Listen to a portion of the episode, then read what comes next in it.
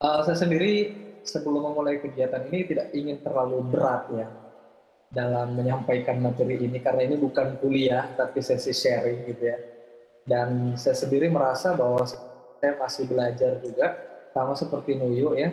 Uh, masih banyak hal yang perlu kita kembangkan bersama sehingga tidak menutup kemungkinan dalam proses kita nanti sebentar jika ada informasi-informasi terkini atau yang terupdate dari teman-teman sekalian terkait uh, toxic dalam penggunaan medsos ini, silahkan teman-teman juga bisa tambahkan baik dalam bentuk komentar melalui uh, pesan ataupun langsung uh, bicara gitu ya.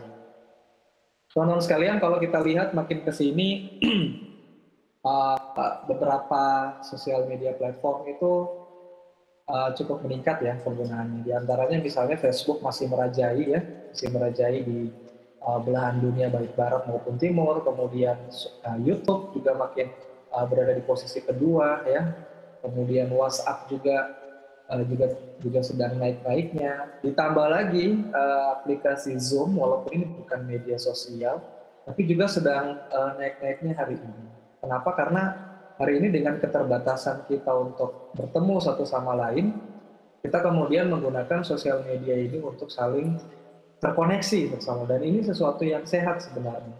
Karena kalau kita tidak saling terkoneksi di tengah PSBB ini, kata Mario Salvador, salah satu mentor saya di Spanyol, beliau mengatakan bahwa dua bulan saja orang terkurung atau terisolasi, ini bisa memungkinkan munculnya uh, gangguan depresi pada diri seseorang. Bayangkan kalau kita terkurung kemudian tidak terkoneksi satu sama lain, apa yang terjadi dengan kondisi mentalitas kita. Syukurnya ada sosmed, syukurnya ada media sosial. Tapi kemudian uh, sosial media ini juga harus kemudian kita manage penggunaannya. Karena kalau kita tidak manage, uh, maka akan muncul beberapa hal yang akan justru mengganggu kita. Ya, misalnya saja eh, teman-teman uh, bisa baca di literatur-literatur uh, yang ada di antara hal yang uh, gangguan yang muncul di tahun 2000-an ke atas ini adalah internet addiction disorder ya, untuk gangguan penyalahgunaan internet gitu ya. Yang di antaranya di dalam gangguan penyalahgunaan internet itu ada game online gitu ya, ada juga uh, sosial media ya dan sebagainya. Bahkan di antaranya juga ada yang sifatnya pornografi ya.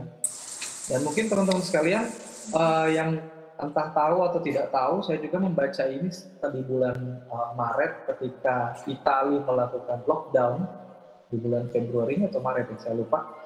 Uh, salah satu media pornografi yang cukup besar di dunia ini menggratiskan gitu, menggratiskan konten-konten premiumnya untuk uh, masyarakat Eropa dan masyarakat uh, sekitar Eropa gitu. Yang menurut mereka ini bisa membantu merejus ketegangan-ketegangan yang ada dalam diri seseorang. Kemudian juga eh, bukan hanya itu, beberapa aplikasi-aplikasi pun mulai bermunculan gitu, ya, untuk menghadirkan uh, keterkoneksi keterhubungan kita satu dengan yang lainnya. Namun kemudian uh, menjadi pertanyaannya adalah kenapa makin ke sini makin kita sulit mengendalikan diri kita. Ketika kita bangun tidur, yang pertama kali kita lihat apa? HP ya bukan lagi jam gitu ya atau yang lainnya. Ketika kita mau tidur pun yang kita buka sebelum kita menutup mata adalah HP. Gitu. Ketika kita berkendara bahkan ya baik itu menyetir di atas kendaraan roda 4 atau kendaraan roda 2 yang kita lihat adalah lagi-lagi HP gitu. Padahal ini adalah perilaku yang cukup beresiko gitu, bisa menimbulkan kecelakaan dan sebagainya gitu. Tapi kemudian kenapa kita melakukan ini semua? Ya mau tidak mau kita harus akui bahwa makin ke sini mungkin kita sebenarnya candu dengan uh, apa namanya uh, sosial media atau HP itu sendiri atau gadget itu sendiri secara umum. Nah, sisi positif dari sosial media tadi selain terkoneksi juga yang lainnya adalah kita bisa mendapatkan pencerahan-pencerahan dari sosial media, misalnya dari postingan-postingan orang lain misalnya. Karena memang ada tipe-tipe pengguna sosial media itu tipe-tipe yang menghadirkan tulisan-tulisan yang menginspirasi gitu, baik itu dari bidang ilmunya atau dari sesuatu yang sifatnya passionate dirinya gitu, yang dia passionkan gitu. Bahkan kemudian uh, ada yang menghadirkan itu dengan sangat ilmiah gitu ya penjelasan-penjelasannya. Sehingga ketika kita membaca itu kita justru malah mengalami apa yang disebut dengan enlightenment gitu, pencerahan-pencerahan baru gitu. Kita baru tahu gitu. Kemudian juga uh, selain itu juga uh, sosmed juga bisa membangun kreativitas ya. Kita lihat di Instagram ya, banyak orang postingan-postingannya cukup unik-unik gitu ya. Ada yang menghadirkan sisi estetikanya, ada yang menghadirkan sisi kelucuan dan sebagainya. Ini semua adalah bagian-bagian dari kreativitas yang juga uh, terbangun di dalam uh, media sosial itu sendiri dan harus kita syukuri, harus kita akui bahwa ini juga bagian dari sisi positifnya.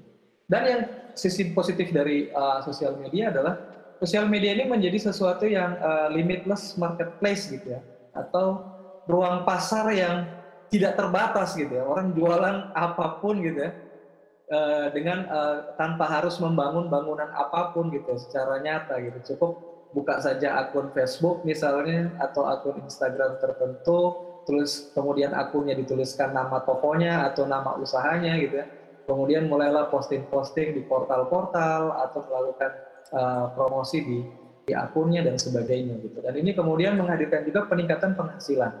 Maka kita bisa lihat juga uh, Kementerian Keuangan juga akhirnya mau tidak mau harus uh, memikirkan bagaimana mengumpulkan pajak dari penjualan-penjualan online yang selama ini cukup masif ya di masyarakat kita di Indonesia. Bahkan tidak hanya itu teman-teman sekalian, bukti bahwa pasar online itu begitu efektif.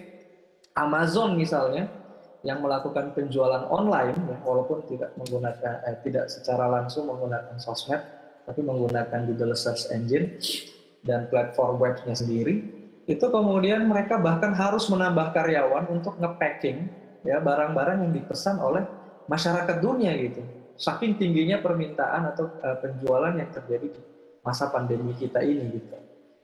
Dan ini uh, sesuatu yang juga cukup positif gitu. Walaupun di tengah banyak orang uh, kehilangan pekerjaan, ternyata muncul ruang usaha melalui sosial media ini yang tadi limitless marketplace gitu. Dan ini sesuatu yang harus kita syukuri dari uh, dari penggunaan sosial media. Namun juga ada juga sisi toksiknya. Ini menjadi uh, permasalahan kita. Ini kan kita akan bahas secara secara tuntas gitu ya bahwa sisi toksiknya dari sosial media ini adalah munculnya apa yang disebut dengan selfitis. Apa itu selfitis? Ini kalau beberapa ahli mengatakan bahwa orang-orang terdorong untuk selalu melakukan aktivitas swafoto atau selfie gitu. Dikit-dikit selfie, di mana-mana selfie. Kemudian uh, di kondisi apa pun selfie, tidak melihat uh, apa namanya orang di sebelah di sebelahnya nyaman atau tidak, selfie aja gitu ya seolah-olah ingin menunjukkan keakuan dan keakuan gitu. Sehingga kemudian kata beberapa peneliti di antaranya Balakrishnan dan De Griffith tahun 2017, ini saya kutip sedikit, ya ternyata mereka-mereka yang melakukan perilaku selfitis ada 25,5 persennya itu mereka mengalami perilaku selfitis yang kronis. Artinya mereka benar-benar tidak bisa meninggalkan itu gitu tidak nyaman kalau tidak melakukan selfie di tempat yang baru atau eh, ketika mereka habis misalnya mandi, habis make up, habis berbenah gitu ya, dikit-dikit selfie, dikit-dikit selfie gitu. Dan ini ada 25,5 persen yang sampai kronis gitu. Kemudian ada 40,5 persennya akut ya.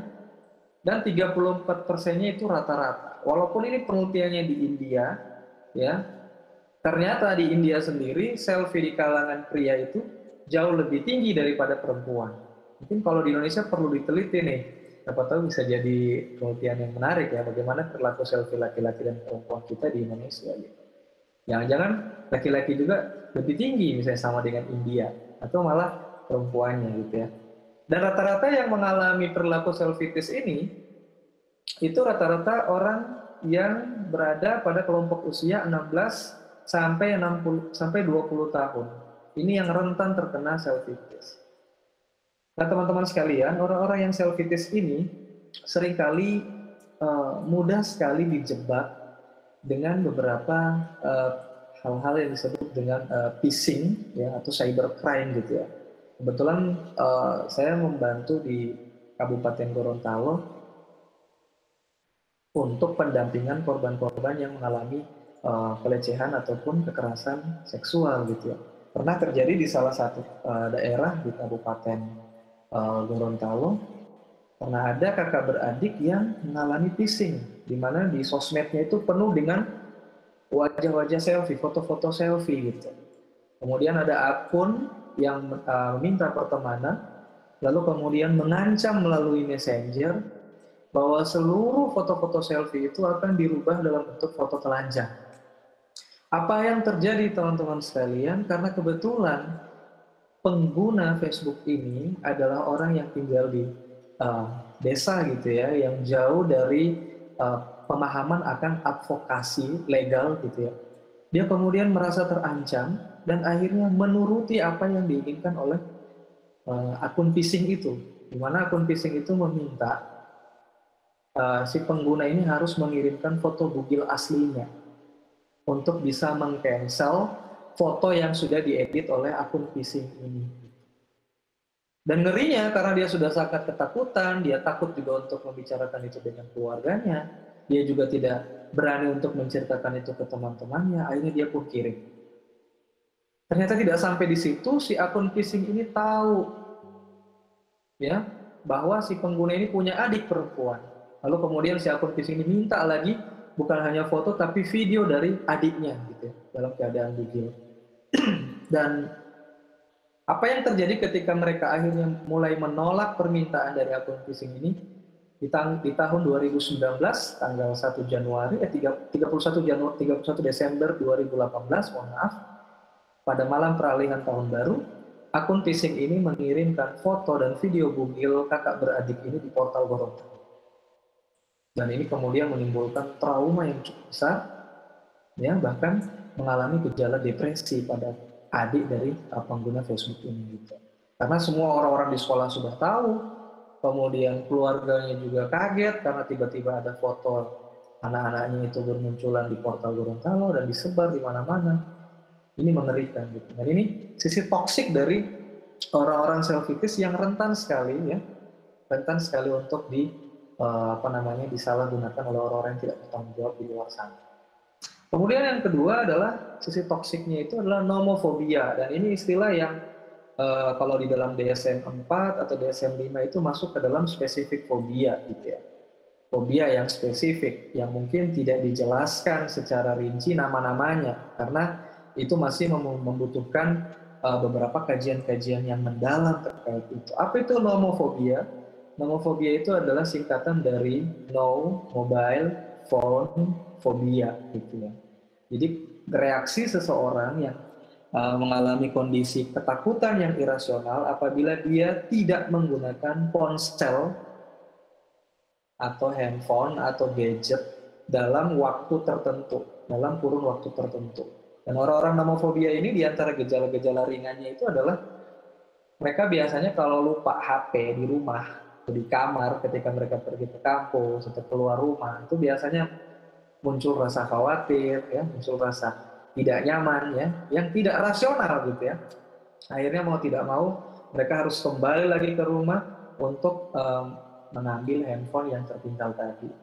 Dan saya kira hari ini kita semua hampir hampir semuanya ya mengalami gejala ini gitu. Kalau ketinggalan HP di rumah gitu ya, kita kayak nggak nyaman gitu ya, kayak ada yang kurang gitu ya.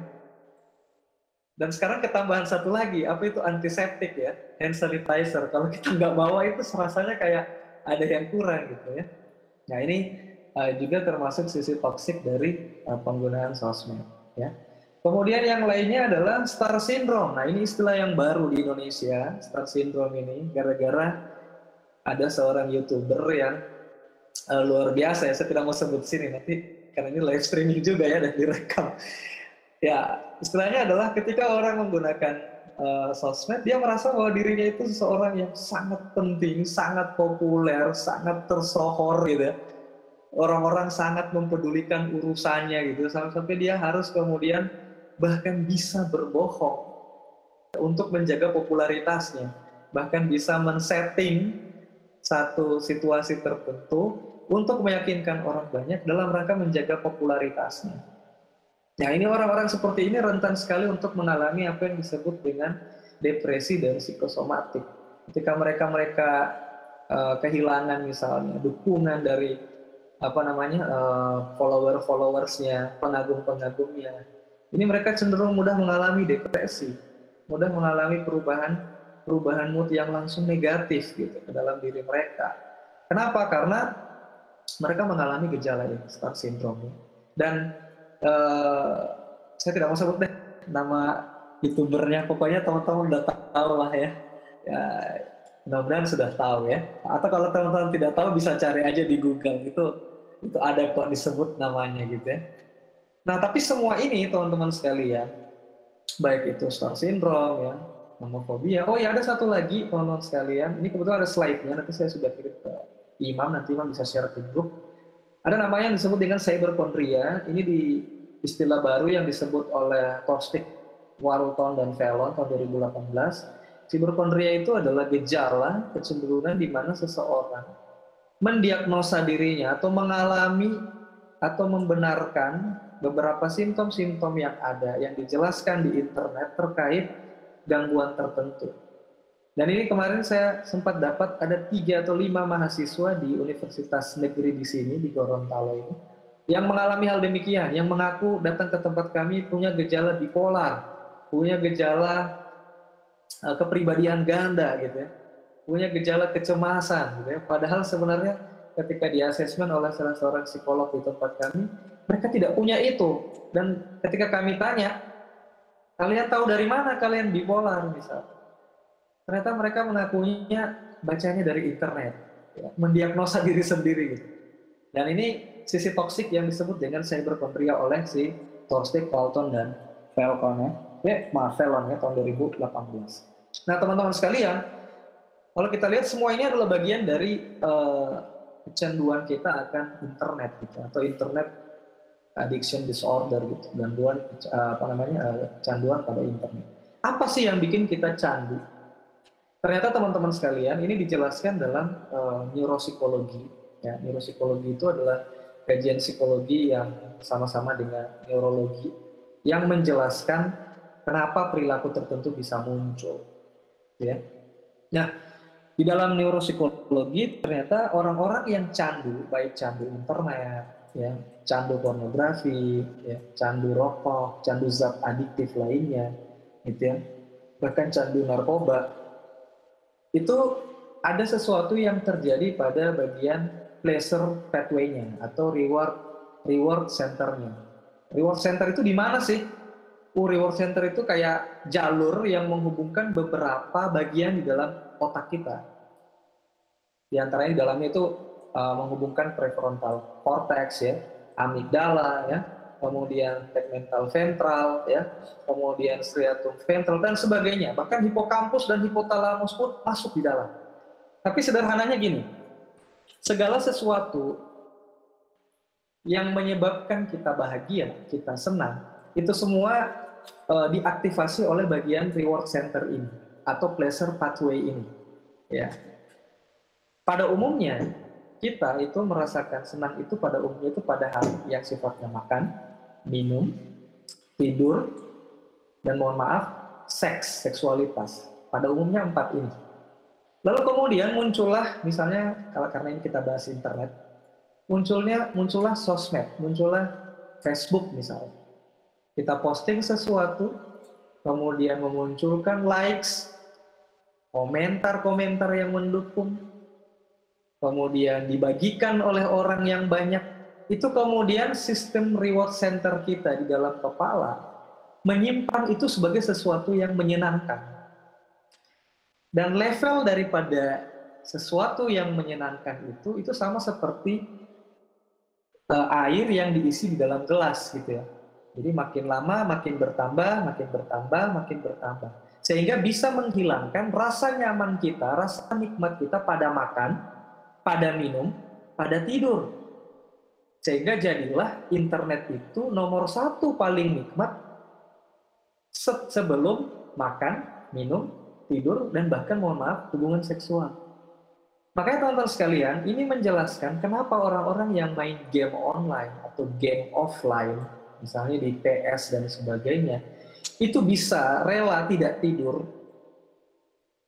rela tidak makan, rela tidak apa lupa minum karena reward centernya atau pathway uh, apa namanya pleasure pathway-nya di dalam kepalanya itu lebih memprioritaskan rasa nyaman yang dia dapati dalam game atau sosmed atau internet daripada makan, minum, tidur dan yang lain. Maka teman-teman sekalian coba kita lihat. Amati diri kita. Biasanya setelah kita tulis status, kalau Anda buka lagi status Anda di WA, kemudian Anda mengecek berapa banyak orang yang melihat status Anda, ini sebenarnya secara tidak sadar Anda sedang mengisi pleasure pathway-nya Anda, reward center-nya Anda. Sehingga makin sering Anda melihat WA story Anda itu banyak yang melihat, atau Instagram story Anda banyak yang melihat, atau status yang Anda bagikan banyak yang melikes, kemudian banyak yang memberikan komentar-komentar positif, Anda makin terperangkap dengan itu. Anda makin adiksi dengan itu. Dan ini mengerikannya adiksi itu setiap kita mudah sekali adiksi dengan apa pun. Ya, ada yang mudah adiksi dengan perasaan cinta, ada ya. Walaupun sudah sudah punya ikatan yang legal sama seseorang, tapi karena dia candu dengan rasa cinta, candu dengan gejala-gejala cinta yang dia rasakan, debar-debarnya, dia cari lagi petualangan-petualangan cinta lain, hanya untuk bisa memperoleh itu. Kemudian uh, reward center ini juga tadi selain dia menyimpan sistem apa uh, menam, uh, apa menyimpan sistem kesenangan, dia juga uh, berkaitan dengan sistem amigdala kita. Amigdala itu di sistem limbik ya. Amigdala itu tugasnya adalah sebagai pusat emosinya manusia. Nah, ini kalau di psikologi itu uh, selalu terjadi perdebatan ya, di mana itu hati? Apakah di kepala sini atau di dada gitu? Kalau orang-orang neuropsikologi bilang hati itu di amigdala, di sistem limbik. Ya. Nah, ketika misalnya kita melihat uh, status kita ada yang likes, amigdala kita itu memunculkan emosi senang, emosi bahagia, sehingga dopamin itu diproduksi dengan begitu banyak di kepala kita. Akhirnya kita senang, bahagia, ya. Apalagi kalau yang nge-like itu orang yang kita suka misalnya atau kalau misalnya yang membagikan itu orang yang kita kagumi misalnya. Ini semua justru malah menambah pleasure itu sendiri. Akhirnya kita makin terjebak dengan uh, candu terhadap uh, sosmed itu sendiri. Dan ketika ada yang memberikan komentar negatif, ketika ada yang memberikan respon yang negatif, maka pada saat itu kita jadi kayak senggol bacok seperti judul tema kita malam ini. Ya, kita langsung marah tanpa alasan yang jelas ya. Kita langsung kemudian merasa ini orang jadi musuh kita karena berbeda dengan kita. Padahal perbedaan itu sesuatu yang niscaya hanya karena dia mengganggu sistem pleasure kita, sistem kenyamanan kita, kenikmatan kita. Kita kemudian akhirnya merespon itu secara membabi buta. Ini bisa dipahami ya teman-teman. Mohon maaf kalau agak terlalu tinggi uh, beberapa istilah, tapi saya menghadirkan ini biar saya tidak terkesan common sense, ngomong asal-asal ya biar teman-teman juga bisa dapat pengetahuan baru. Nah akhirnya teman-teman sekalian muncullah orang-orang yang belakangan ini sangat-sangat amat sensitif kalau misalnya kita uh, lihat beberapa uh, statusnya kalau di komentar negatif sama orang lain. Ya. Tiba-tiba dia marah, tiba-tiba dia blokir, ya tiba-tiba dia apa namanya uh, bertindak irasional ya di, di dunia maya gitu sehingga akhirnya kita malah menjadi bertanya-tanya, apa iya teman saya ini begini memang karakternya? Kok kalau di dunia nyata tidak begitu? Kenapa di dunia maya sangat begitu sensitif? Karena teman-teman sekalian, tadi, pleasure pathway-nya itulah yang mempengaruhi dia. Gitu. Dia telah mengalami apa yang disebut dengan candu tadi, candu dengan internet itu ya, dengan sosmed. Ya. Nah sehingga salah uh, kriteria dari orang-orang yang candu dengan internet atau dengan sosmed yang pertama yaitu mereka itu selalu disibukkan dengan internet atau dengan sosmed ya baik memikirkan status apa uh, status statusnya sebelumnya jadi dengan mengecek satu-satu siapa nih yang like status-status saya di dua hari yang lalu tiga hari yang lalu misalnya kemudian juga uh, merencanakan atau mengantisipasi bagaimana uh, apa namanya uh, sesi statusnya di masa akan datang. Apakah ini bisa menimbulkan dampak yang orang lain sukai dan seterusnya atau tidak, ya. Kemudian juga yang kedua mereka menggunakan internet atau sosmed itu dengan jumlah waktu yang lebih banyak daripada aktivitas lainnya. Kemudian yang ketiga, mereka sudah melakukan upaya untuk mengendalikan, sudah melakukan upaya untuk mengontrol, tapi sekali lagi tidak bisa, sangat sulit. Ya. Kemudian mereka mudah mengalami kegelisahan, murung, tertekan, atau mudah tersinggung ketika mereka mencoba mengurangi atau menghentikan penggunaan sosmed. Di sini ada yang pernah mencoba berhenti sosmed selama satu minggu berturut-turut? Ada? Kalau ada, Anda luar biasa ya. Tapi kalau misalnya Anda sulit melakukannya, nah ini tanda, atau bahkan Anda mengalami gelisah karena belum bisa buka Facebook Anda, Instagram Anda, WA Anda gitu ya. Nah ini tanda kita mulai mengalami apa disebut dengan candu terhadap uh, sosmed gitu ya. Kemudian uh, melakukan aktivitas online lebih lama daripada yang direncanakan. Bahkan yang lebih parah itu melakukan aktivitas online walaupun itu bisa melanggar ya ketentuan yang ada di sekitarnya. Contoh misalnya di kantor tidak boleh main Facebook, tidak boleh main Instagram gitu ya, karena ada aturannya misalnya. Tapi dia masih main gitu ya, melanggar aturan. Nah ini tanda dia sudah menjadi sangat-sangat kompulsif ya, tidak bisa dia kendalikan perilaku. Nah ini adalah beberapa ciri kalau misalnya itu ada di dalam diri kita, berarti ini ciri bahwa kita ini sedang mengalami canduan dengan sosmed.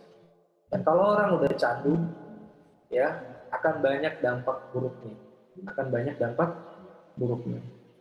Maka saya persingkat materi ini, nanti kita akan pertajam di tanya jawab atau diskusi, bahwa orang-orang yang cenderung candu dengan sosmed,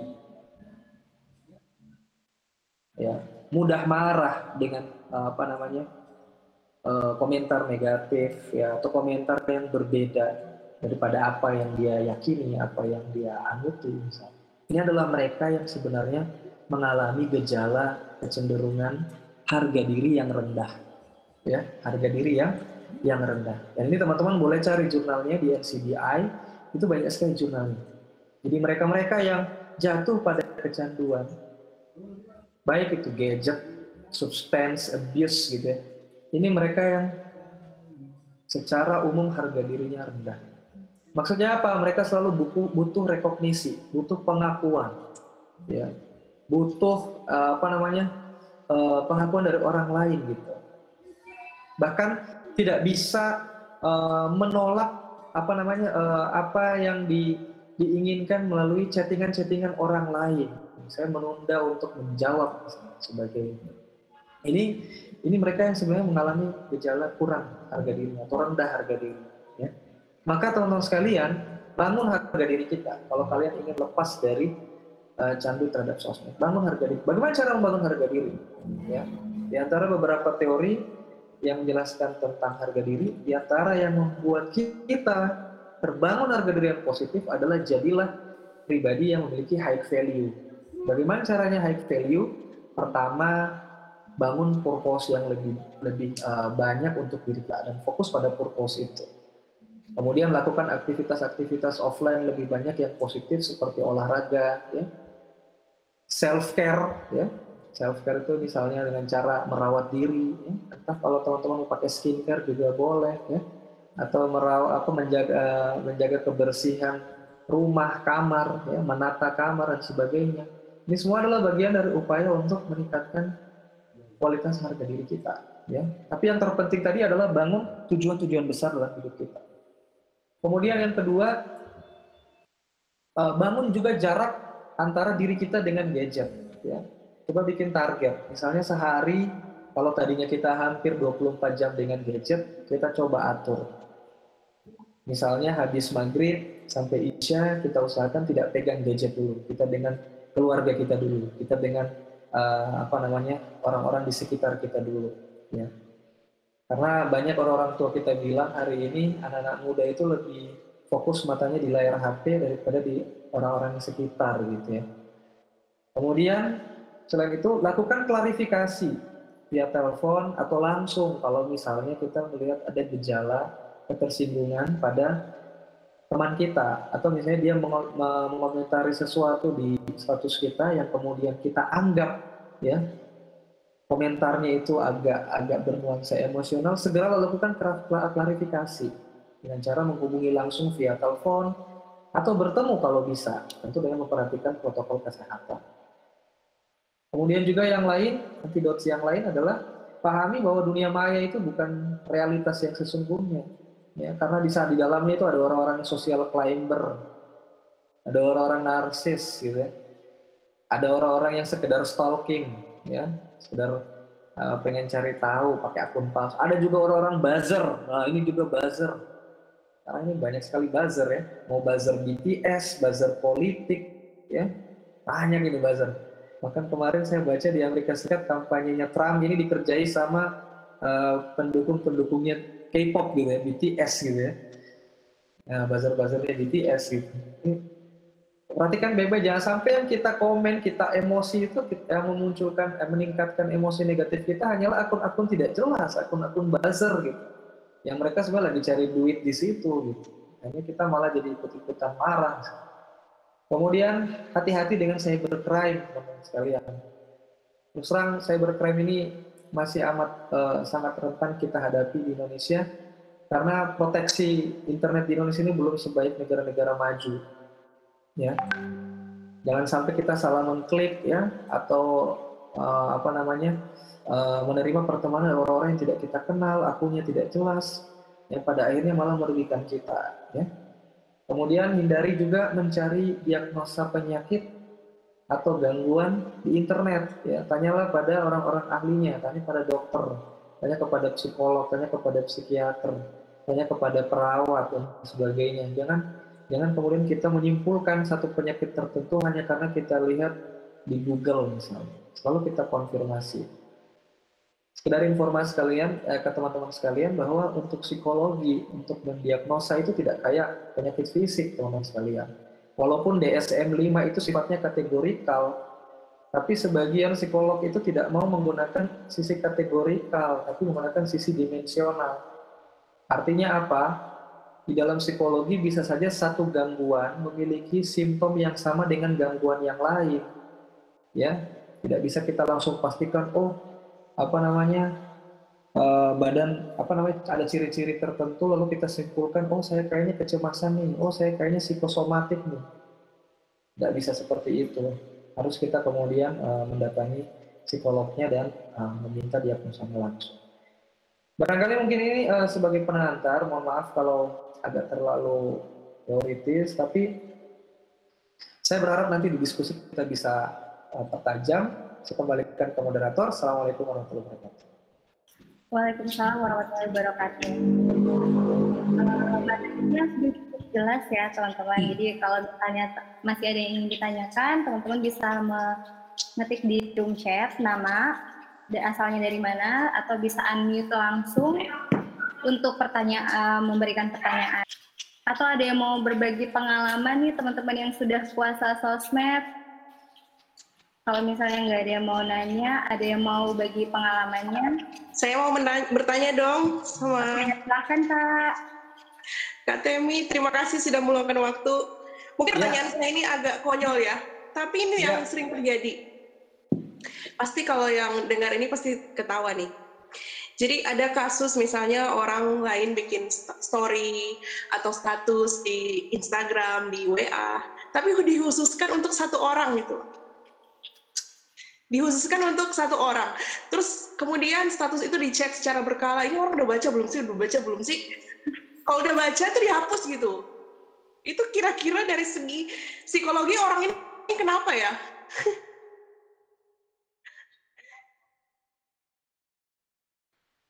Makasih. Oke, tadi pertanyaan dari Kak Fariska ya. Ada lagi yang mau bertanya atau mau langsung dijawab Kak Temi untuk pertanyaan yang tadi? Sambil boleh, pertanyaan yang lain? Boleh. Uh, memang di dalam pengguna sosial media itu ada yang tipe-tipe katarsis ya. Tipe-tipe orang yang suka melepaskan beban stresnya, beban emosi negatifnya itu di status-status dan tidak sedikit yang kemudian men, mentujukan ya atau menyasar pada orang-orang tertentu gitu. Sebenarnya ini tidak sehat ya. Sebenarnya kalau kita mau lepas beban emosi, lepas aja gitu ya. Bikin status aja dalam bentuk uh, apa namanya kalimat-kalimat yang puitis atau yang marah misalnya menurut saya nggak apa-apa tapi jangan kita berharap bahwa orang itu baca orang itu merespon karena sekali lagi orang yang membaca status kita itu belum tentu mengerti kondisi dan suasana hati kita pada saat itu dan ingat juga teman-teman sekalian ada satu quotes dari Paulo Coelho mengatakan bahwa people only want to hear what they want to hear orang itu hanya mau pada apa yang dia ingin dengar jadi bisa saja status-status kita yang mungkin menyasar ke orang itu, tapi karena dia tidak pengen mendengar itu, tidak punya kepentingan di situ, tidak merasa bahwa itu dirinya yang sedang disindir, ya dianya yang santai, kitanya yang malah senggol bacok gitu ya. Nah ini sama dengan kita yang minum racun tapi berharap dia yang mati gitu, padahal kitanya yang minum racun gitu ya. Maka sebisa mungkin uh, janganlah kita kemudian uh, apa namanya menjadikan sosmed itu sebagai tempat katarsis yang paling utama cari media-media lain yang bisa kita melepaskan emosi negatif kita dengan baik dan tidak menyakiti orang lain. Karena sering kali juga ada orang yang terlalu peka, terlalu sensitif, itu malah merasa dia yang disindir. Padahal maksud kita bukan dia gitu ya. Akhirnya dia WA kita gitu ya. Ini ada apa? Saya minta maaf ya kalau saya salah gitu ya. ya akhirnya ya kasihan gitu kita malah uh, bikin orang lain justru merasa tidak nyaman dengan status kita terus sekarang kalau ada masalah please uh, kalau memang kita belum siap untuk membicarakan dengan orangnya langsung lakukan katarsis atau pelepasan emosi negatif kita di tempat di kondisi di, situasi dan dengan cara yang lebih bisa diterima makasih ya Pak Rizka ya Oke, gimana Kak? Udah cukup jelas kan ya jawabannya ya?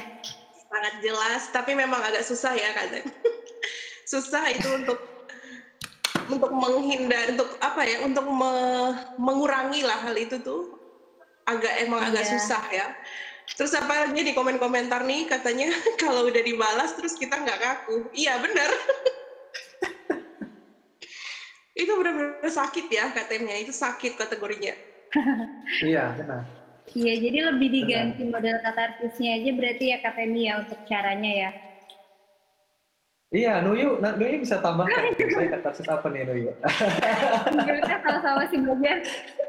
Ya, ini ada pertanyaan dari Kak Muhdi Taufik. Gimana cara membatasi agar tidak candu medsos atau internet, tapi di satu sisi harus standby karena pekerjaannya WFH?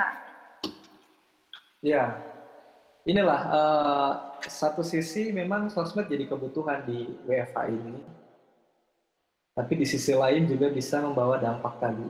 Kita malah jadi kayak candu dengan itu. Nggak nyaman kalau tidak buka itu gitu. tidak buka WA tidak buka grup dan sebagainya. Jadi memang uh, alhamdulillah ya kita di Indonesia ini sudah mulai masuk new normal. Mudah-mudahan ini bisa lebih mengurangi penggunaan-penggunaan sosmed yang seperti kemarin terjadi gitu. Tapi kalau misalnya uh, penggunaannya punya tujuan yang jelas seperti apa yang ditanyakan Pak Mudi tadi, maka kalau menurut saya ini tidak masalah. Justru ini sangat uh, menggunakan medsos sebagai sarana yang positif, tapi itu tetap terkoneksi dengan tugas, produktivitas, dan orang lain. Makanya sesuatu yang positif, tidak masalah.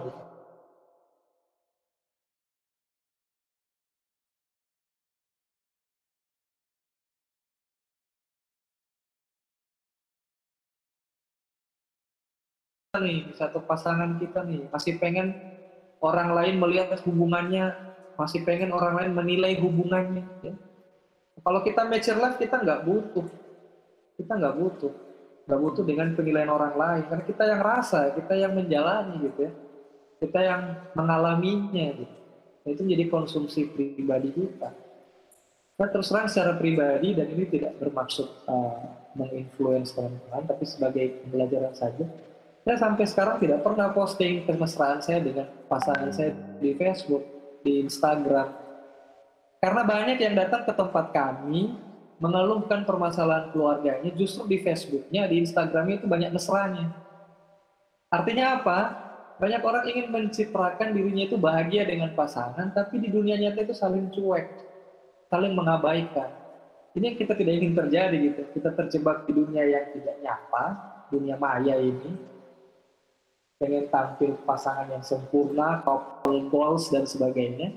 Tapi ketika di rumah, kita ketemu langsung dengan pasangan kita yang sudah legal, halal gitu, malah tidak saling menghargai, tidak semesra itu. Maka uh, kembali ke kasus awal, kalau yang pasangan kita suka curhat di medsos terkait hubungan percintaan kita, Anda kayaknya harus mempertimbangkan lagi deh, mau melanjutkan dengan dia atau enggak. Kenapa? Karena dia sendiri belum bisa menghargai hubungan Anda, hargai hubungan yang Anda jalin selama ini. Oke, gimana Pak Fahmi? Apa sudah jelas jawabannya dari KTMI? Atau ada yang masih ingin ditanyakan lagi? Iya, siap jelas. Ya ya. Oke, ini ada pertanyaan tadi dari room chat dari Nurismayani. Pertanyaannya adalah saat melihat atau membaca postingan orang lain berupa pencapaiannya atau hal-hal positif yang dialami oleh orang itu, kadang kita jadi merasa kurang bermanfaat dan belum berbuat banyak atau pada akhirnya kita merasa insecure baik di sosmed dan tidak sedikit juga berdampak pada kehidupan sehari-hari. Bagaimana kakak menanggapinya? Terima kasih. Ya, uh, ini sering ter terjadi. Bukan hanya Anda kok. Kadang-kadang saya pun mengalami. Ya, kenapa? Karena memang kita ini manusia suka sekali membandingkan kondisi kehidupan kita dengan kondisi kehidupan orang lain. Padahal zona waktu kita berbeda, kalau kata para motivator itu. Zona waktu kita berbeda. Mungkin ada orang yang lebih sukses lebih awal dibandingkan kita di usia 20-an misalnya. Mungkin kita di usia 30-an baru sukses misalnya. Ini ini sesuatu yang lumrah, sesuatu yang wajar terjadi. Maka kalau misalnya Anda mengalami insecure, Oke, okay, kalau saat itu Anda mengalami insecure, tidak apa-apa, tapi jangan berlama-lama dengan perasaan itu. Segera kembali pada purpose Anda, pada tujuan besar Anda. Apa sih yang Anda ingin raih dalam bidang Anda? Apa sih yang Anda ingin kejar dalam kehidupan Anda? Ingat, ketika Anda terlalu terfokus pada kehidupan orang lain, Anda sama seperti dengan orang yang hanya ya, tidak berjalan, hanya berdiam di tempat, gitu. Ya. Tapi merasa berjalan. Ini parah ini. Kita berdiam di tempat, merasa berjalan, padahal orang lain yang berjalan. Jangan, jangan kita berlama-lama dengan itu. Makanya kadang-kadang saya ini terus terang agak-agak gimana ya kalau lihat ada laki-laki yang suka, mohon maaf, eh, komen-komen ya di status-status selebriti gitu ya, status-status artis gitu ya. Kamu cantik hari ini gitu ya, sangat mengagumi Anda gitu ya ini saya melihatnya laki-laki yang kurang kerjaan gitu. Atau perempuan juga, misalnya posting sesuatu di art aktor atau artis kesukaannya gitu. I apa namanya? I miss apa I love you so much from Gorontalo, Gorontalo hadir ya dan seterusnya. Ini saya kayak merasa ya Anda jadi terlihat apa ya? Kurang begitu menghargai diri Anda sendiri gitu. Karena belum tentu dia baca baca apa yang Anda tuliskan gitu Makanya ada satu uh, quote mengatakan, when you treat someone as a celebrity, she or he will treat you as his fan. Gitu. Kalau Anda memperlakukan orang lain seperti selebriti, dia akan memperlakukan Anda hanya seperti fansnya. Gitu. Sehingga kalau misalnya Anda terjebak pada pencapaian-pencapaian orang lain, lalu kemudian Anda uh, apa namanya uh, terpengaruh dan mengalami insecure, berarti ada yang belum selesai dengan diri kita. Apa itu purpose kita belum kuat dalam hidup ini. Tujuan-tujuan besar kita belum terdefinisikan dengan baik. Maka segera uh, tangani, jangan berlama-lama dengan itu, ya, dan pastikan anda tetap stay on track di purpose anda.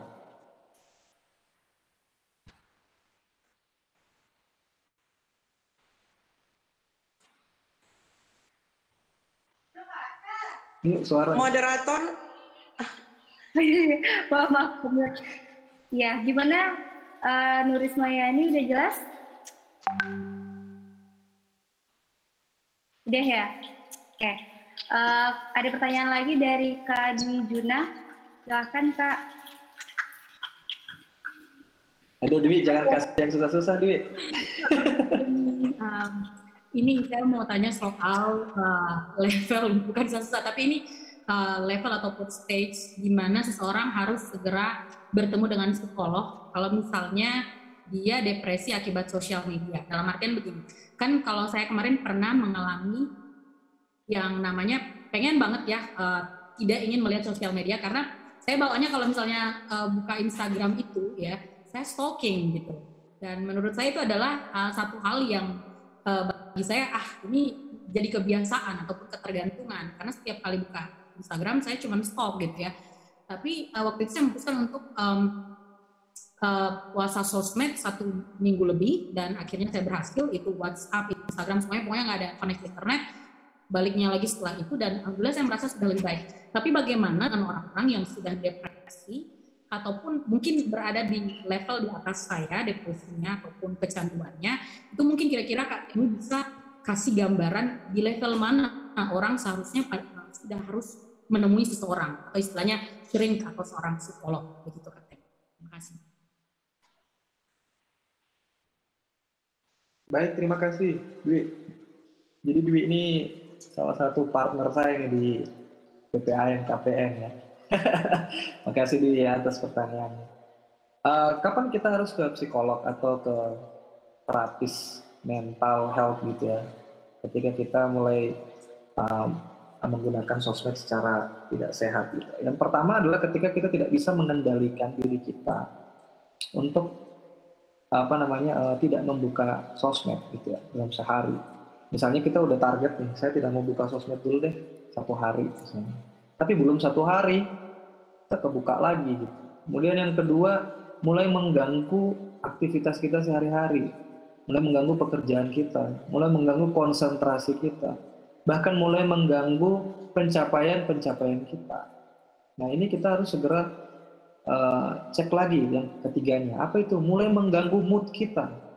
Kalau kita nggak buka WA kita nggak stalking, kita nggak bahagia, kita nggak senang, kita nggak malah yang muncul khawatir, gelisah, cemas.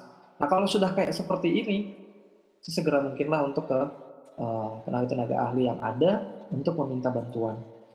Jangan berlama-lama ya, jangan sampai kita malah jadi uh, kecanduan yang di level yang paling parah itu kita jadi kompulsif, jadi tidak bisa menahan diri lagi, ya akhirnya apa yang terjadi ya ya udah ini sosmed itu yang menguasai kita internet itu yang menguasai kita bukan kita yang menguasai dan mengelola uh, internet itu gitu.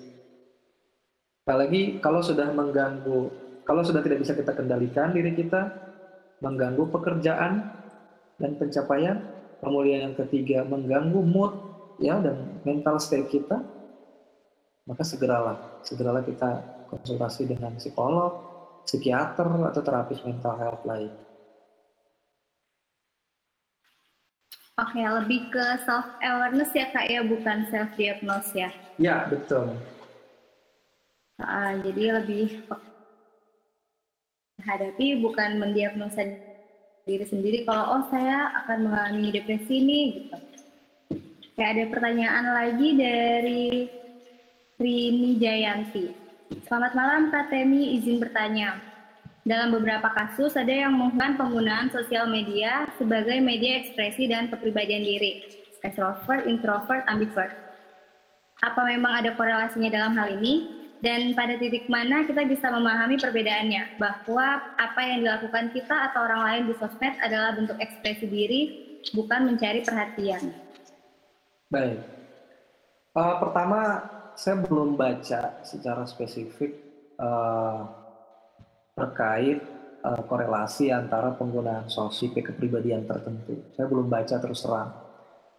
Tapi uh, saya melihat mungkin fenomena saja di kalangan teman-teman profesional saya, teman-teman dekat saya gitu ya, yang juga punya uh, tipologi yang ekstrovert, introvert dan ambivert.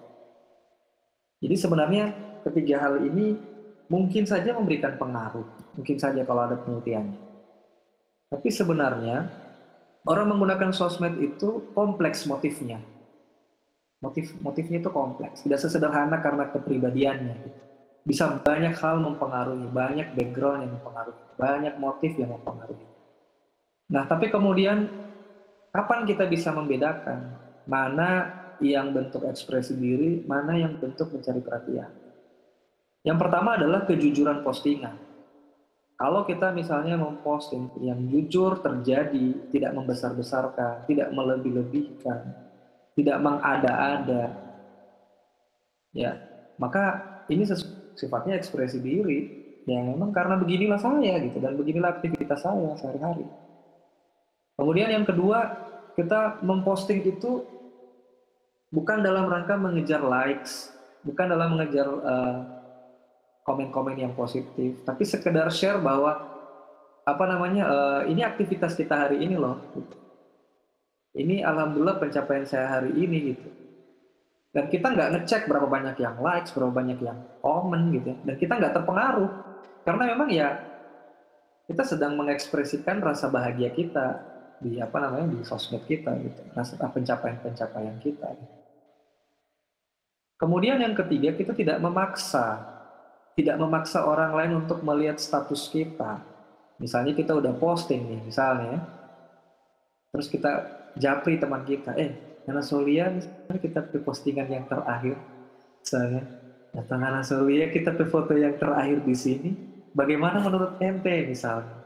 Karena mungkin dia lihat temannya ini belum likes, belum komen, ya, belum ngasih love gitu ya dan sebagainya. Nah ini berarti bentuk mencari perhatian, bukan ekspresi diri lagi. Karena kalau ekspresi diri kita nggak harus memaksa orang lain untuk mengomentari. Gitu. Maka mungkin beberapa indikator tadi yang walaupun mungkin belum dibangun di dasar pada dasar yang ilmiah bisa bisa jadi alat ukur sederhana lah kita apakah kita mau posting sesuatu itu dalam ekspresi diri atau cari perhatian. Itu ini ya. Thank you. Oke, ada lagi kah yang mau bertanya dari Fahmi Suwaiba lagi? Silahkan Kak Fahmi. Ya, uh, selamat Assalamualaikum. Jadi saya mau bertanya juga, uh, tapi pertanyaan saya kali ini mungkin lebih ke undang-undang ITE Kak yang mengatur terkait dengan media sosial.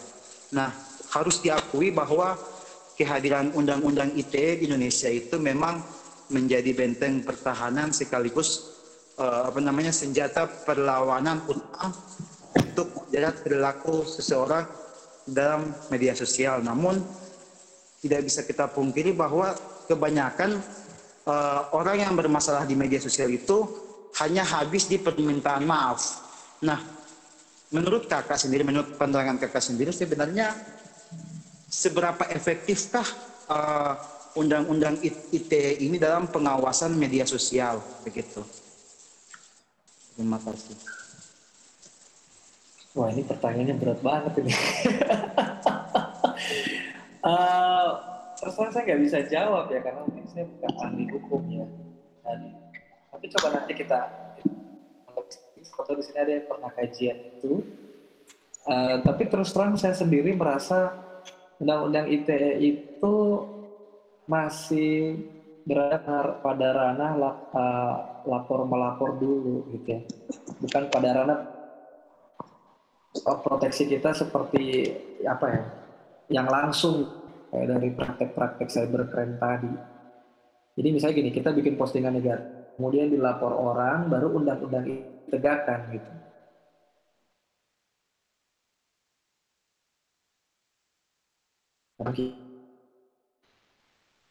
cara melakukan gimana perlindungannya itu yang saya sendiri belum melihat praktis kita terlindungi gitu dalam menggunakan internet. Apalagi saya awam masalah undang-undang ITE dan mungkin atau main menjawab silahkan. Mohon maaf ya saya kurang bisa menjawab itu. Oke, nanti mungkin bisa di ada teman-teman ya atau mungkin dari panitia ke depannya akan mengadakan tentang mudah-mudahan kayak di sosmed atau mungkin saran buat teman panitia kali ya, Iya, Kak ya. benar. Ada pertanyaan lagi dari Kak Rina, silakan Kak. Oke, eh, terima kasih. Em, saya ingin bertanya nih Kak Temi. Eh, saya ini adalah mantan fan girl. Saya sangat mengidolakan. Saya mantan K-popers. Oh, saya sangat oke. mengidolakan.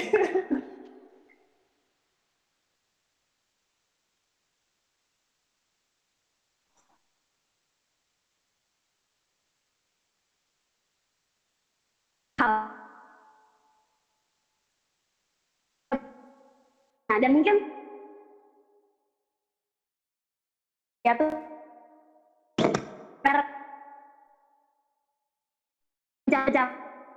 di posisi itu. Nah, menurut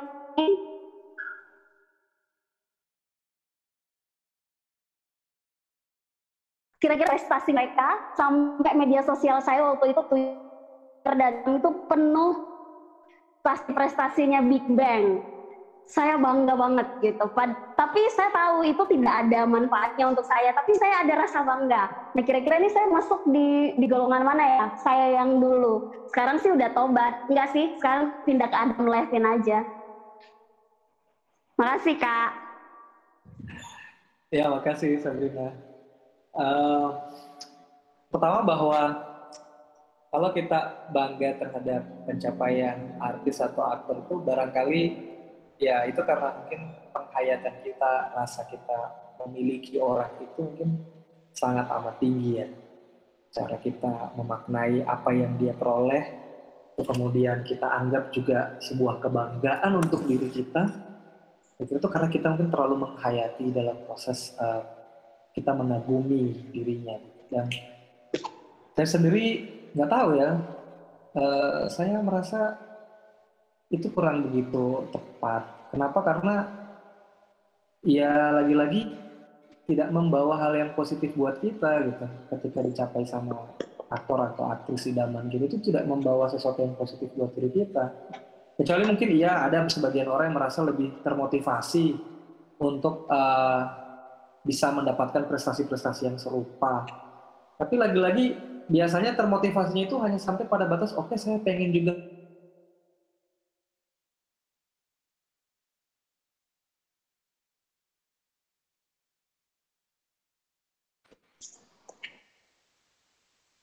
seperti dia karena sudah sampai pada tahap melepaskan itu kembali fokus mencintai diri sendiri mengejar capaian diri sendiri itu jauh lebih baik.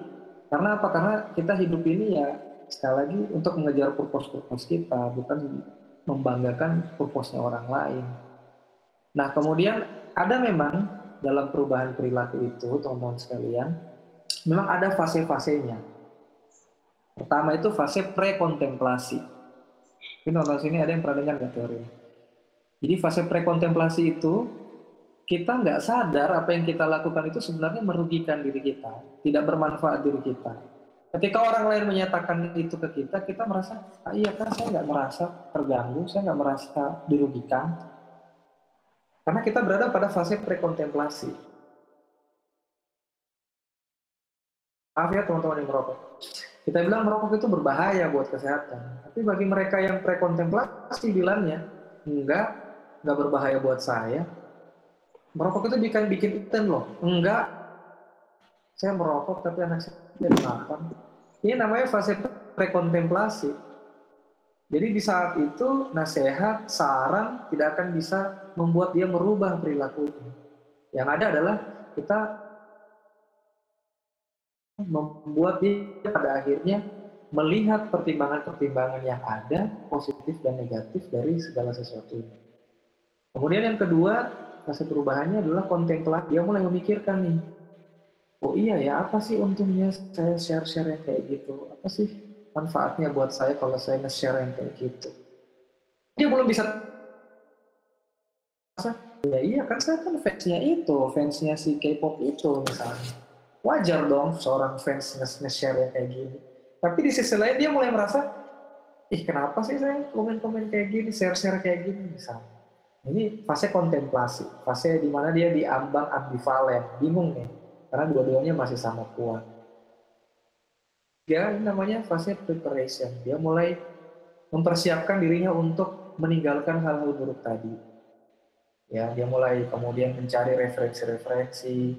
Bagaimana ya caranya saya bisa tidak lagi share-share yang kayak gini? Bagaimana ya cara dia mulai cari-cari di Google, bertanya kepada sebagainya. Setelah persiapannya oke, okay, barulah melakukan aktivitas untuk meninggalkan hal-hal yang negatif tadi. Action namanya. Tapi ketika action belum selesai sampai di sini, teman-teman sekalian. Dia harus bisa menjaga perubahan perilaku itu. Saya baca di sebuah jurnal ilmiah yang dikeluarkan tahun 2012 di NCBI, ternyata perilaku adiksi itu bisa benar-benar hilang kalau setidaknya minimal empat tahun dia tidak melakukan hal itu. Jadi misalnya gini, Anda mengkonsumsi miras dan sudah candu dengan miras, misalnya nih, lalu Anda ingin melepaskan aktivitas minum konsumsi miras, kalau Anda baru satu dua tahun, Anda belum kita sebut sebagai orang yang sembuh, tapi kita baru sebut Anda pulih. Kenapa pulih? Karena sewaktu-waktu bisa terjadi yang namanya relapse. Bisa kembali. Atau Anda yang terbiasa mengkonsumsi pornografi, dan Anda dengan bangganya mengatakan, oh saya sudah enam bulan nih nggak nonton yang porno-porno misalnya. Anda merasa Anda pulih, jangan dulu merasa aman. Karena Anda bisa saja sewaktu-waktu merasa terjadi yang namanya relapse. Anda kembali mengkonsumsi pornografi, tapi jumlahnya itu melebihi dari jumlah terakhir Anda konsumsi. Mungkin Anda terakhir konsumsi nonton porno bisa cuma dua film dalam satu waktu. Tapi ketika Anda relapse, Anda bisa nonton sampai empat film dalam satu waktu. Sama ketika Anda sekarang tidak nge-share, tidak nge-stalking uh, akun-akun yang Anda idolakan, mungkin Anda bisa bertahan 6 bulan, satu tahun, tapi yang bangga dulu. Karena bisa saja terjadi apa yang disebut dengan relapse, ya, atau kekambuhan. Nah, makanya maintain itu perlu, maintenance perilaku itu perlu, menjaga perubahan perilaku itu penting sekali. Dan ini ditentukan juga oleh orang-orang di sekitar kita yang memberikan support ke kita. Maka ketika Anda sudah mulai meninggalkan itu, cari juga orang-orang yang sedang meninggalkan itu, sehingga Anda bisa kuat bersama. Kalau di narkoba itu, setelah orang ikut rehab, biasanya dia harus ikut yang namanya pasca rehab. Setelah pasca rehab, dia ikut anonymous group.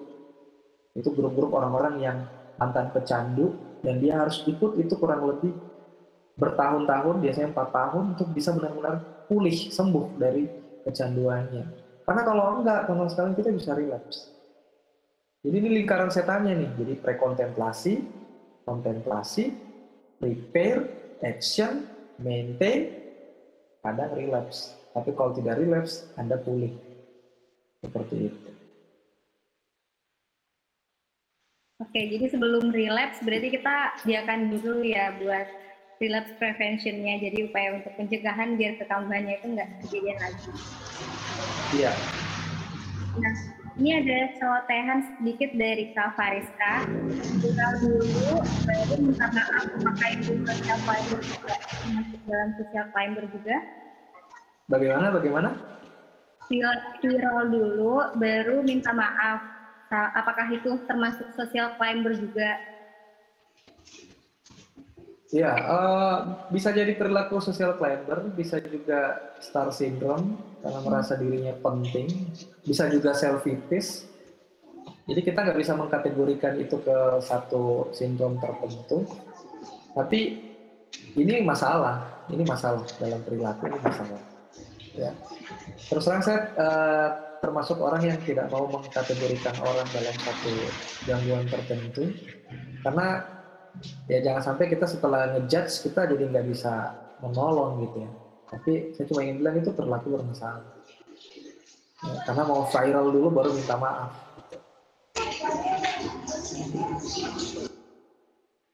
Iya kak, ngomong-ngomong soal sosial crime bersama star syndrome tadi ya, ada sedikit pertanyaan nih dari saya. Kan hmm. uh, untuk aktualisasi diri itu kan adalah pencapaian tertinggi dari manusia ya. Nah, gimana kalau orang-orang dengan STAR syndrome itu merasa bahwa ketika saya berada di posisi seperti ini, itu adalah bentuk aktualisasi saya. Ini adalah bentuk uh, tingkatan paling tinggi saya, yaitu saya sudah merasa mengaktualisasi diri saya ketika saya udah berada di posisi ini. Iya. uh, iya, memang ada yang merasa bahwa dia telah mencapai aktualisasi diri dalam fase star syndrome tadi, seperti yang Mei bilang. Tapi sebenarnya mereka justru bermasalah di kebutuhan harga dirinya sebelum sampai ke aktualisasi dirinya. Maka untuk bisa uh, menyadarkan, menyadarkan sih, mengingatkan orang ini bahwa ada hal yang harus dia benahi, yaitu harga dirinya, bukan aktualisasi dirinya. Yaitu mungkin kita butuh lebih banyak pendampingan, membersamai, bukan menasehati. Karena kadang orang-orang star syndrome itu ketika kita nasihati dia menolak. Karena dia merasa, ya saya sedang mengaktualisasi diri nih. Padahal dia nggak sadar harga dirinya terluka ketika orang lain mulai meninggalkan, memberikan komentar negatif, dan sebagainya. Maka pada saat-saat dia merasa butuh masukan dari kita, barulah kita kemudian mengingatkan kembali pentingnya membangun harga diri. Karena ya, aktualisasi diri itu bukan bukan hanya juga sekedar pencapaian, tapi apa yang kita lakukan untuk mencapai itu kan Uyung ya.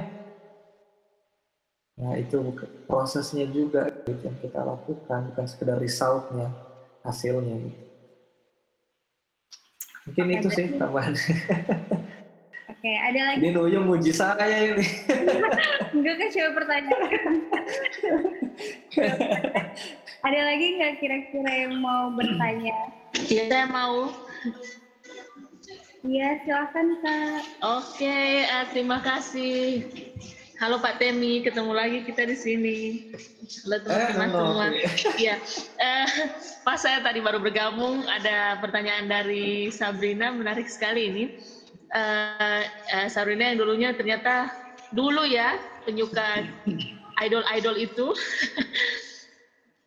nah, sebenarnya kalau Pak Temi, ini menurut saya ya, di masa lalu juga kami seperti itu uh, zaman dulu cuma tidak ada medsos saja.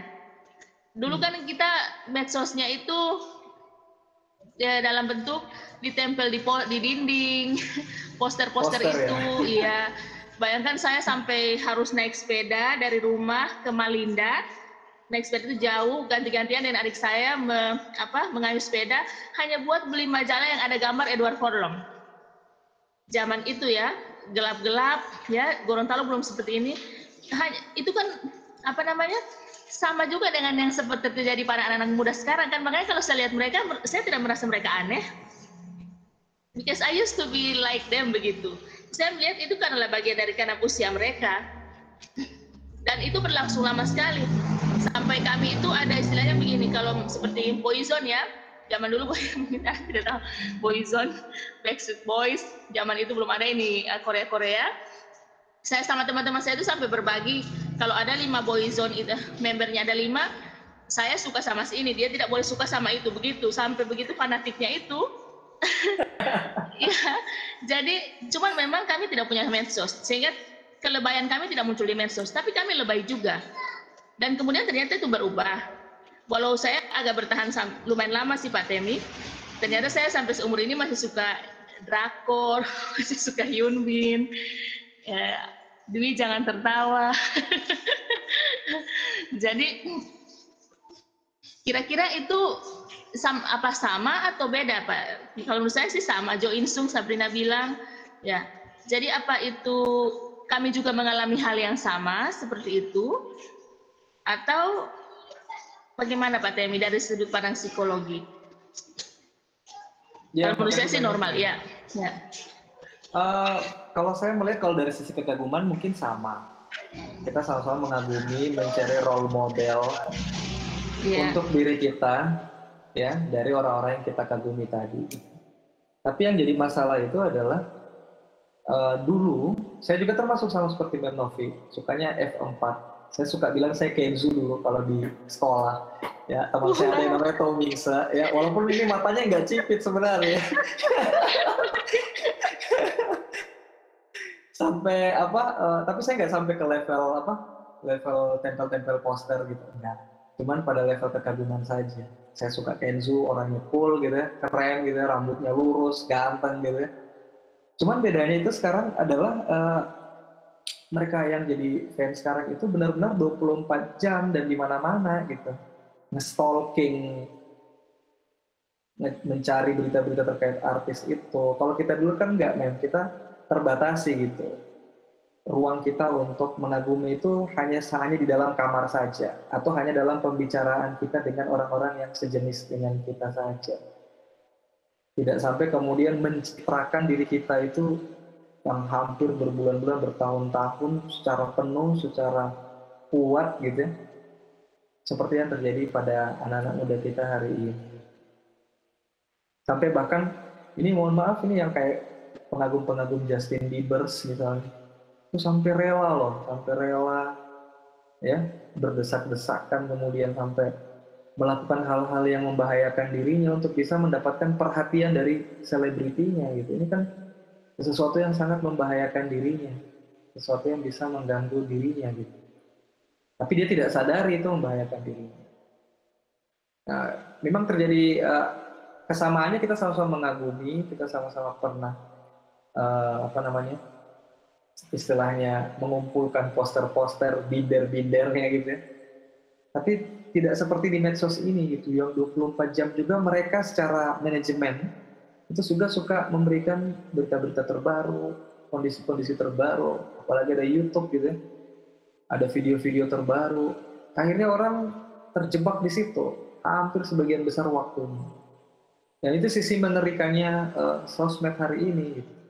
Orang makin terjebak, makin terperangkap dan luar biasanya artificial intelligence di dalam teknologi kita itu juga kalau kita suka ngecari-cari uh, berita konten tentang orang itu, maka iklan-iklan yang berkaitan dengan orang itu juga mulai muncul. Video-video rekomend yang direkomendasikan juga bermunculan. Akhirnya makin kita terjerumus, terputar-putar di situ. Sehingga kontrol diri kita terhadap konten-konten seperti itu makin menipis, makin berkurang. Nah jadilah kita canggih. Itu sih memang selalu saya lihat perbedaannya. Hmm, Oke. Okay. Dan ternyata Pak Temi ini semua mereka mengaku suka Pak Temi bukan cuma saya. Ini mereka sudah menulis ya. Ada di komen. Ada, saya ada ada pertanyaan tapi di komen Pak Temi. Makasih di iya, chat. Ya, ya. Oke. Uh, tadi sempat dibahas tentang bagaimana uh, algoritma untuk sosmed ya. Jadi ketika kita mencari satu uh, tentang satu figur itu uh, pasti bakal secara algoritmanya dari Google atau Instagram atau sosmed-sosmed lain itu akan terbaca. Jadi ketika kita lihat di TikTok, dia akan muncul di Instagram. Nah, ini ada pertanyaan yang cukup nyambung dari Kak Mufti Taufik. Gimana cara menghadapi dan mengatasi, mengedukasi orang-orang di sekitar agar bisa memfilter berita di medsos yang belum tentu benar? Nah, ini ini yang agak berat ini karena memang tadi people only want to hear what they want to hear ini di sini sangat berpengaruh. Karena pembaca berita itu sekarang, bukan sekarang dari dulu sih, itu biasanya punya ideologi tertentu juga, punya motif tertentu juga, punya kecenderungan-kecenderungan tertentu juga. Dan sering kali itu yang malah mendorong mereka men-search juga, ya, uh, apa namanya, konten-konten berita yang terkait dengan apa yang mereka ingin puaskan, ingin kuatkan dalam keyakinan atau ideologi mereka gitu. Tapi untuk mengingatkan barangkali ini agak sulit karena orang-orang seperti ini juga sama seperti orang yang lagi dimabuk cinta. Sulit untuk diingatkan gitu ya, sulit untuk dinasihat. Kecuali mereka harus dibawa ke ruang dialog yang terbuka satu sama lain sehingga uh, mereka bisa melihat sudut pandang itu dengan dengan apa namanya dengan kelapangan hati dibandingkan melihat komen-komen yang justru menusuk. Nah, pada akhirnya malah makin mencerai berai kita semuanya.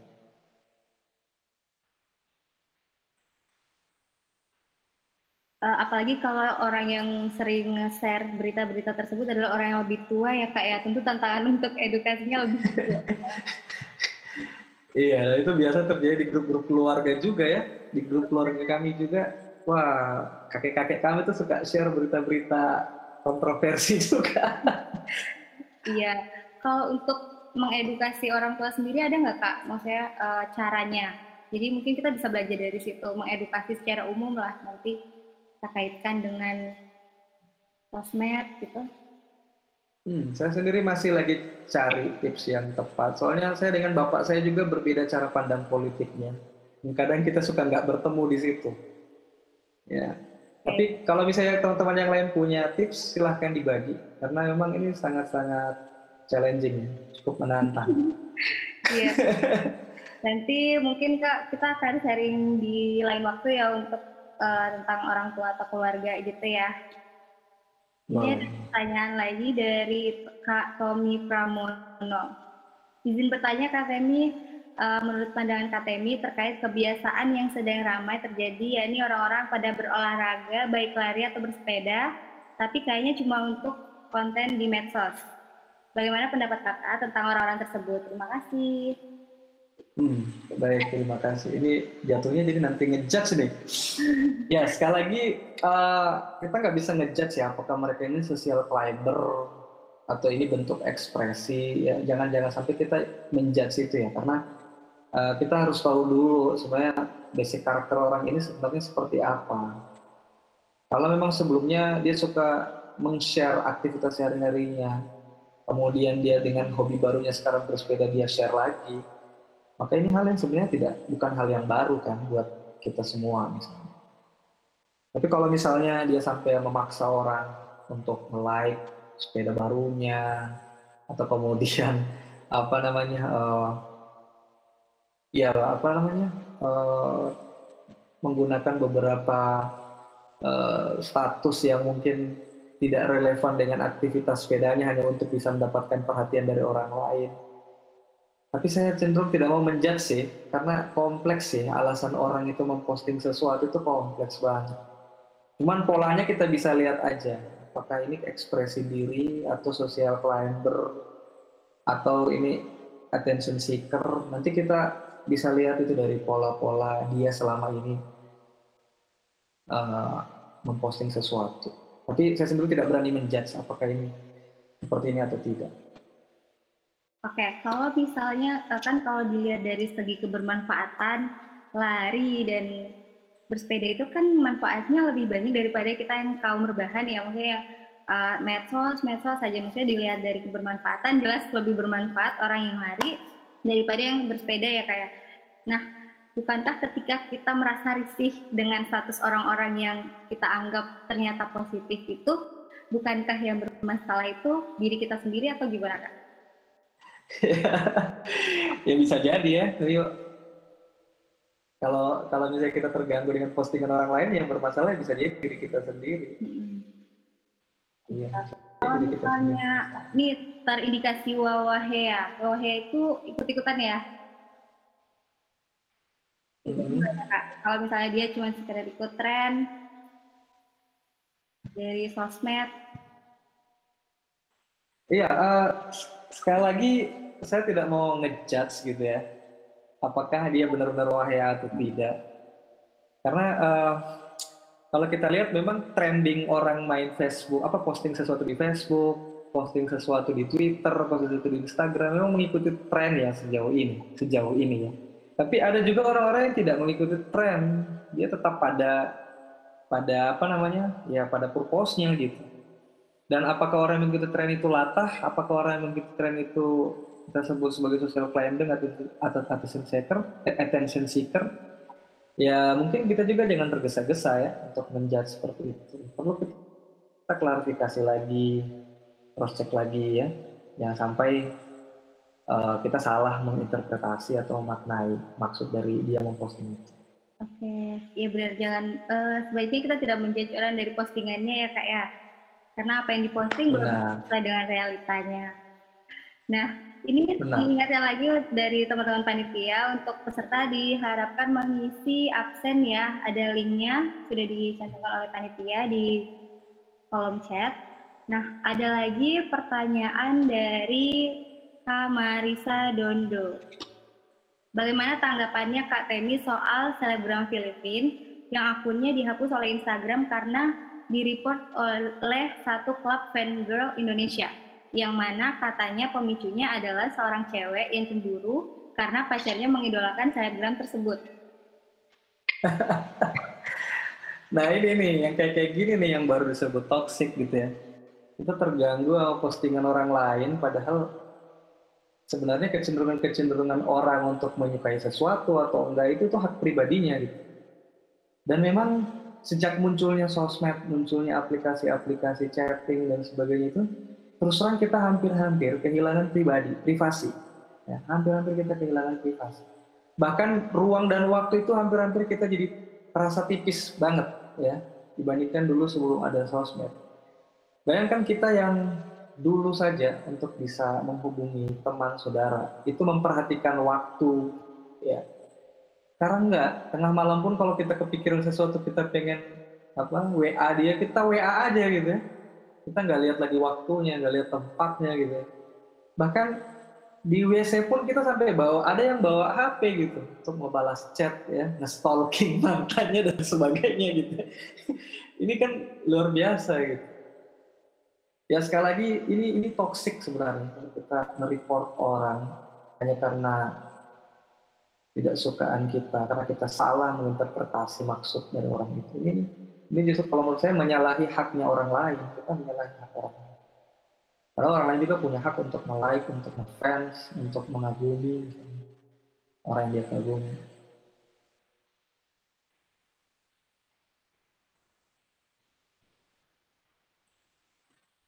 Suaranya nggak muncul yuk untuk tadi kan katanya itu toxic ya. Jadi kalau untuk gimana kita mengurangi toksiknya tadi kan sebelumnya udah dibahas KTMI ya. Mungkin bisa lebih jelas kalau teman-teman baca uh, eh, PPT-nya. Nanti akan bisa oleh panitia. Uh, untuk Ibu Novi ada lagi yang ingin ditanyakan, Bu?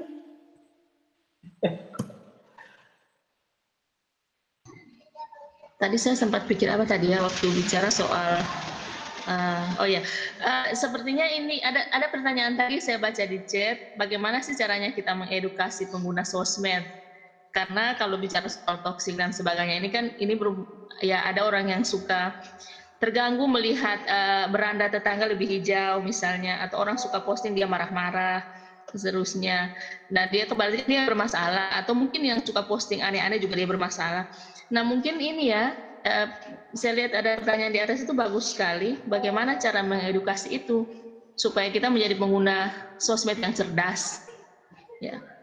Karena apa namanya, uh, ya ini sudah dibikin apa kegiatan seperti ini kan sebenarnya salah satu ini. Tapi kemudian lagi-lagi yang bisa hadir di acara di kegiatan seperti ini kan rata-rata ya semuanya ya mungkin adalah pengguna sosmed yang cerdas yang tidak suka menyebar racun atau tidak membuka diri untuk menerima racun-racun sosial media. Nah, kalau kira-kira Pak Temi sendiri ada saran tidak untuk kami bagaimana sih supaya kita bisa ya dengan dengan dunia hari ini bagaimana caranya kita bisa mengedukasi uh, para pengguna sosmed? Karena artinya sosmed tidak hanya sekedar untuk gaul-gaul, tapi kita hidup bermasyarakat sebenarnya di dunia maya ini. Ya. Ada saran Pak Temi atau mungkin ya. ada hal seperti itu? Baik, makasih Mem Novi. Jadi memang untuk bermedsos itu kalau menurut uh, bacaan saya, menurut juga pengalaman ya teman-teman yang lain gitu ya, orang yang bermedsos itu pertama yang harus dia benahi itu harga dirinya dulu, cara dia melihat dirinya dulu. Karena gini, kita kalau menilai orang lain itu kan biasanya sangat amat subjektif biasanya menggunakan cara pandang kita, menggunakan ukuran sepatu kita, lalu kita paksakan ukuran sepatu kita itu ke kaki orang lain. Itu biasanya ada yang mengalami kesempitan, ada yang mengalami kelonggaran, dan sebagainya. Jadi memang mau tidak mau cara mengedukasi yang paling pertama adalah kembali kita harus melihat apakah kita sebenarnya sudah memiliki harga diri yang kuat itu atau enggak sih sebelum kita bermedsos. Karena rata-rata mereka yang sangat terpengaruh dengan postingan orang lain, merasa dia yang disindir, merasa dirinya itu yang apa namanya disasar oleh status tertentu. Itu mereka-mereka yang sebenarnya ya kualitas harga dirinya cenderung rendah sih. Maka mau tidak mau kalau sekedar edukasi saya kira Kominfo sudah sangat mengedukasi di mana-mana gitu ya. Tapi tidak nuansanya tidak psikologis, nuansanya lebih ke sosial gitu udah jangan menyebar hoax gitu ya. Mm. karena itu bisa melanggar undang-undang ini dan sebagainya. Jadilah pengguna yang memiliki daya literasi yang baik dan ya bagi saya itu oke okay, nggak masalah itu mengedukasi.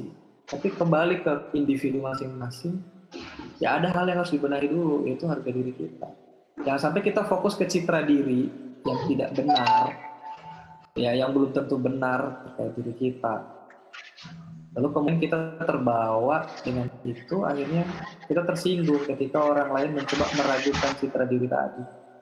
Kembali kita harus uh, memperkuat dan menjaga harga diri kita selama menggunakan sosial media bahkan internet sekaligus.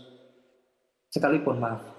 Karena kalau harga diri kita kuat insya Allah kita nggak akan terpengaruh dengan postingan orang komentar orang dan sebagainya mungkin itu sih mem kalau tips-tips yang lain saya kira sudah banyak disebar di medsos-medsos saya secara psikologis saja fokus ke situ sih. Hmm, jadi mungkin kita bisa ini ya Pak Temi, maaf ini moderator saya langsung. jadi mungkin kita yang ada di sini yang mendengarkan apa Pak Temi bilang hari ini, mungkin bisa sama-sama ya kita kita punya sosmed, kita ayo berkampanye begitu, bagaimana supaya masyarakat bisa lebih paham bagaimana menggunakan sosmed. Mungkin ada apa istilahnya, ada flyer, ada jargon-jargon ngajak orang untuk berpikir positif lewat sosial media. Mungkin seperti itu ya Pak Temi ya. Jadi orang lebih banyak uh, apa istilahnya belajar bagaimana cara menggunakan sosmed yang baik. Ya, minimal jangan sampai baperan lah di dalam sosmed. Benar benar. Makasih cuman kalau, ya, makasih ya moderator ya. Iya, cuman kalau saya kita yang ada di sini jadi role model dulu lah buat teman-teman kita. Benar. Ya, ya, benar. Dengan membangun harga diri kita lebih kuat, sehingga pelan-pelan insya Allah mudah yang lain juga akan terpengaruh.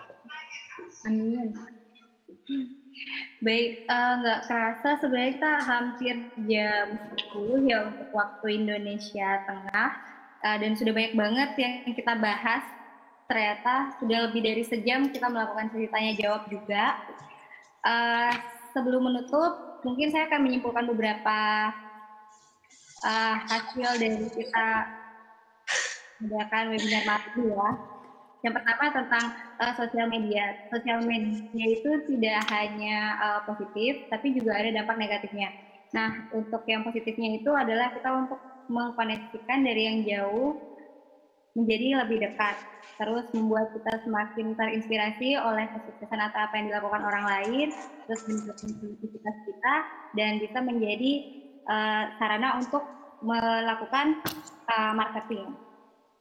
Gitu. Tapi uh, di balik sisi positifnya itu juga ada sisi negatifnya yaitu adanya uh, selfish tadi terus uh, kita ada penyakit yang sudah mulai dibahas yaitu nomofobia atau no mobile phone phobia terus star syndrome sama cyberchondria Terus adanya untuk penyebab-penyebab uh, dari kecanduan itu sendiri, beberapa sudah meneliti. Salah satunya adalah adanya kesalahan dalam reward center oleh manusia itu sendiri. Untuk uh, seseorang yang merasa kecanduan, ada banyak sekali ya penyebabnya. Dan salah satunya yaitu adalah karena dia harga dirinya rendah. Dan untuk kita ketika kita sudah merasakan bahwa sosial media itu kurang berdampak baik untuk kita yang bisa kita lakukan sebagai uh, penawar adalah menjadi pribadi yang high value, terus uh, melakukan aktivitas-aktivitas yang positif, self care atau self love, terus bangun jarak antara self dan gadget, dan yang terakhir adalah klarifikasi langsung dengan apa yang sudah diposting atau dengan uh, tentang informasi yang kita terima. Tuh.